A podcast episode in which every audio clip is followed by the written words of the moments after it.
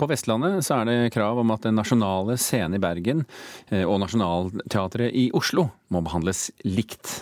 Ja, for dersom finansieringen av Den nasjonale scene skal styres av fylkeskommunen, så må det også gjelde for Nationaltheatret. Det mener leder for kulturutvalget i Hordaland, Beate Husa. Et ekspertutvalg har foreslått å flytte ansvaret for kulturinstitusjoner utenfor hovedstaden til de nye regionene. Men da må ansvaret for Nationaltheatret også flyttes, mener Husa. Absolutt, det er veldig viktig. For da at man skal ikke gi et signal om at noen institusjoner er, viktigere eller har en annen status enn andre. De skal ha den samme statusen. De er viktige for hele landet, både om det heter DNS eller om det heter Nationaltheatret. 1.2 i år kom rapporten med forslag til nye oppgaver for fylkeskommunene. Ekspertutvalget vil flytte ansvaret for kulturinstitusjoner utenfor Oslo, som Den nasjonale scene i Bergen, fra staten til de nye regionene. Mange reagerte og kaller forslaget for hovedstadsarroganse. Lite har blitt sagt fra fylkeskommunene, men Beate Husa, som er leder for kulturutvalget i Hordaland, sier nå at hun syns det er en god idé, som må gjelde Nationaltheatret i Oslo også. En definerer noen institusjoner som hovedstadsinstitusjoner, og så kan de andre gå til regionalt nivå. Det er jeg veldig uenig i. Man må ha samme status, man må ha samme ansvarsnivå og samme plassering i statsbudsjettet.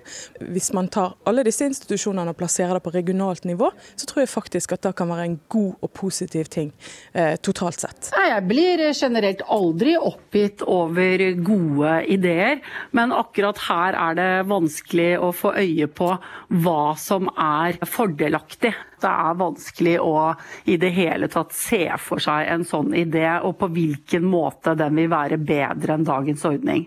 Teatersjef Hanne Tømta ser ikke poenget med at Nationaltheatret skal styres av andre enn staten. Vi er eh, veldig sjeldent uvillige til å verken fornye oss eller se på bedre eh, måter å gjøre ting på. Men da må det bli konkret for at man skal da bejae det. Jeg vil slåss mot det så lenge jeg har pust.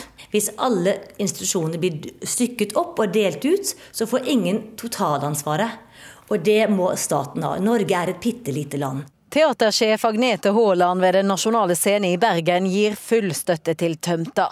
Begge teatersjefene er redd ei regional styring vil bety mindre kunstnerisk fridom, og at de må slåss om samme rammetilskudd som f.eks. helse og utdanning. Det er ikke statusen som vi fikk til å tape, det er faktisk midlene. Men da at ikke Nationaltheatret ble foreslått til å bli styrt regionalt, hva tenker du om det? Jeg tenker at det var klokt at ikke det ble foreslått. Og det var tullete og galskap og tusseskap at det ble foreslått at vi skulle bli det. Jeg tror at det viktigste er å ikke redusere dette til å handle om by mot land. Og jeg stoler på at eh, den nye kulturministeren vil eh, ta grep som er til det beste for eh, teaterfeltet i hele Norge. Så det er der tilliten min ligger i øyeblikket. Ja, Det sa altså teatersjef ved Nationaltheatret, Hanne Tømta. Reporter var Øyvor eh, Bakke. Forslaget er altså ute på høring nå. Høringsfristen blir utvidet til tre måneder og går ut i begynnelsen av eh, mai. Kulturkommentator Agnes Moxnes, eh, hva er det teatersjefene er så redde for?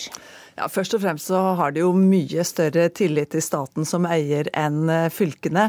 Men så er det viktig å huske her at både Hanne Tømta og Agnete Haaland de er sjefer for hvert sitt teater, den norske elitedivisjonen. De er store, de er resultatet av en lang og stolt tradisjon, og det knyttes veldig store forventninger til dem, sånn rent kunstnerisk.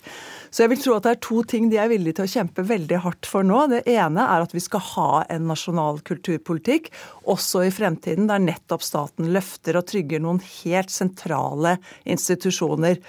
Og det andre vil jeg tro er denne likhetstanken som Beate Husa her, altså kulturutvalgets eh, leder i Hordaland, går inn for. At de, mener, altså de to mener at det er en veldig urovekkende tanke, fordi det veldig lett kan føre til alles kamp mot alle.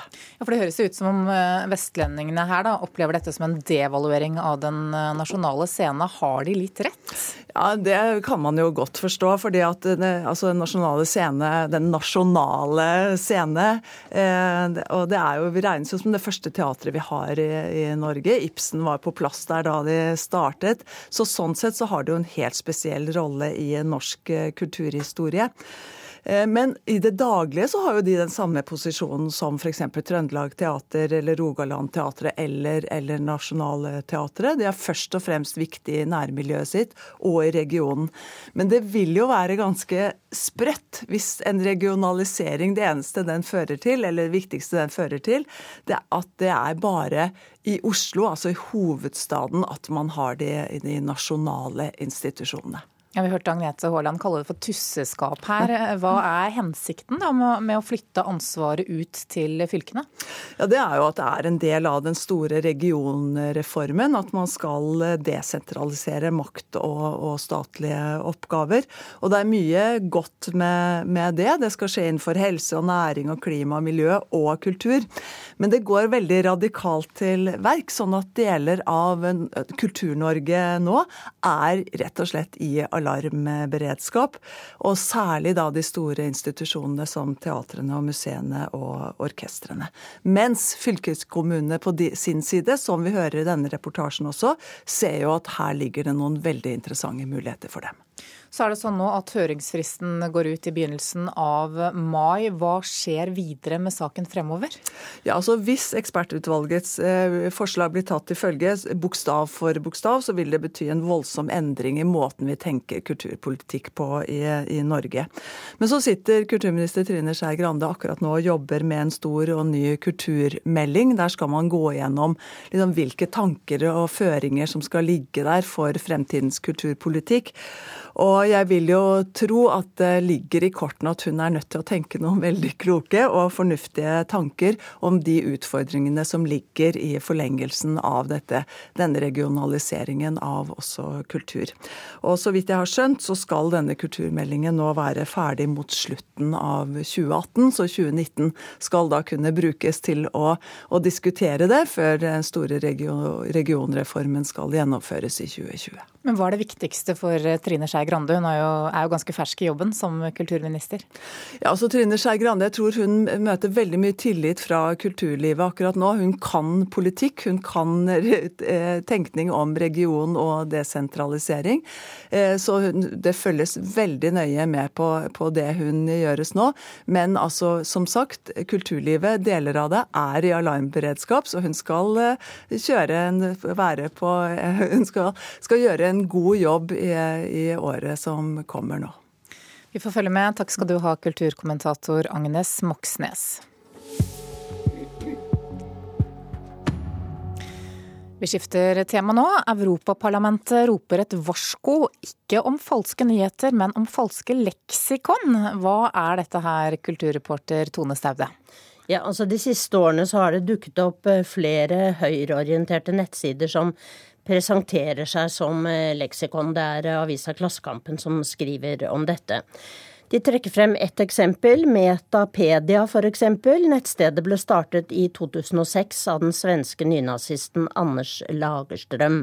Og dette nettleksikonet fremsetter ofte konspirasjonsteorier og publiserer f.eks. artikler som benekter holocaust. Men er det da vanskelig for vanlige lesere å avsløre at dette ikke er et eh, vanlig eh, objektivt leksikon? Ja, så objektivt som man kan få det. Ifølge sjefredaktør i Store norske leksikon Erik Bolstad, så kan de se ut som helt tilforlatelige artikler. Han mener at de ligner til forveksling en, en helt vanlig Wikipedia-artikkel. Og nå har også Europaparlamentet engasjert seg. Hvorfor det? Ja, det presenterte nylig en rapport som viser at falske leksikon særlig dukker opp i europeiske land som ikke har oppdaterte, sterke nasjonale leksikon på eget morsmål, og problemet er spesielt stort i Ungarn. Erik Bolstad, som altså er sjefredaktør i Store norske leksikon, tror årsaken er at landet ikke har et nasjonalt leksikon. Han bekymrer seg også for land som Nederland og Danmark, der de offisielle leksikonene står i fare for å bli lagt ned. Og hvordan reagerer Wikipedia? Ja, daglig leder Astrid Karlsen i Wikipedia Norge tror det er lett å se forskjell på en Wikipedia-artikkel og falske leksikon som Metapedia. Det er iallfall ikke vår oppgave å stoppe slike prosjekter, sier hun til avisa Klassekampen. Takk skal du ha, Tone Staude. Nå til forestillingen 'Engler i Amerika', som er Nationaltheatrets største satsing. Roy Cohn, du har hatt sex med utallige menn. Og en eller flere av disse karene har gjort det alvorlig syk. Roy, du har aids. Problemet ditt eh, Henry, at du er så opphengt i ord og merkelapper at du tror at de betyr det de gir seg ut for. Aids, homoseksuell, gay, lesbisk. Du tror at dette er navn som forteller deg hvem vedkommende ligger med. Men de dette er altså fra forestillingen 'Engler i Amerika'. Vi hørte Ågot Senstad som lege og Terje Strømdal som advokaten Roy Kuhn. Den som skal se hele stykket under ett, må sette av over åtte timer, og kritikerne er kommet til at dette er noe av det beste som er laget på en scene. NRKs anmelder konkluderte tidligere her i Kulturnytt med at dette rett og slett er vidunderlig og storslagent eh, teater. Regissør Marit Moum Aune, gratulerer, og god morgen. God morgen. Du, jeg regner med at gode kritikker gjør godt, men har du inntrykk av at kritikerne også ser det som du vil at de skal se? Ja, det, det, var interessant. Altså, eh, når jeg leser kritikkene, så ser jo folk det litt forskjellig. Og det er jo det som er bra med teater, det at eh, du sitter i salen og har din subjektive oppfatning.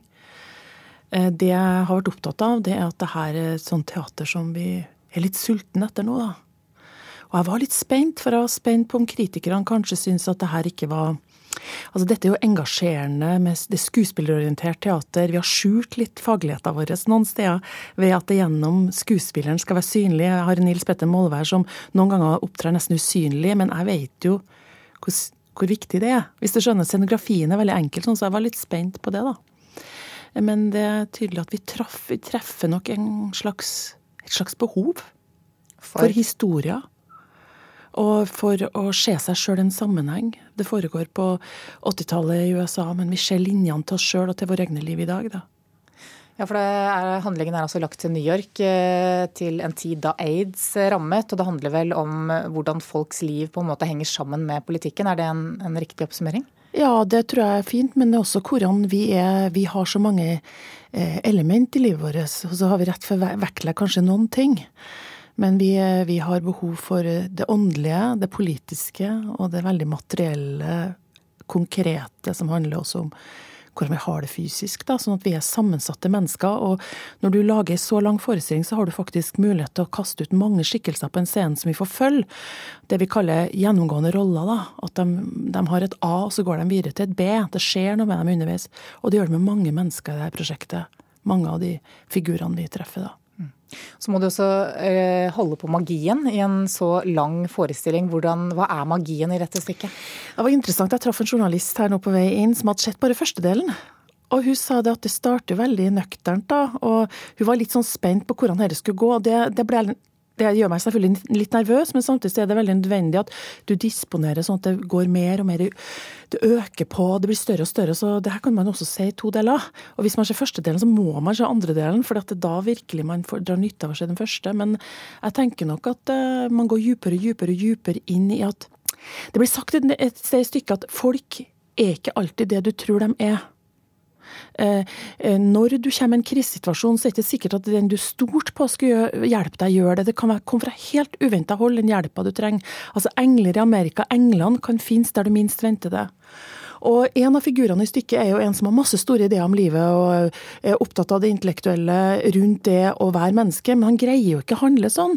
Mens den litt fordomsfulle mormonermammaen fra Salt Lake City, hun har kanskje evne til å endre seg, og hun sier i en del i stykket til han at hvis du ikke har fordommer om meg, så skal jeg heller ikke ha fordommer om deg. Og det er min yndlingsreplikk i det her seks timer lange dramaet.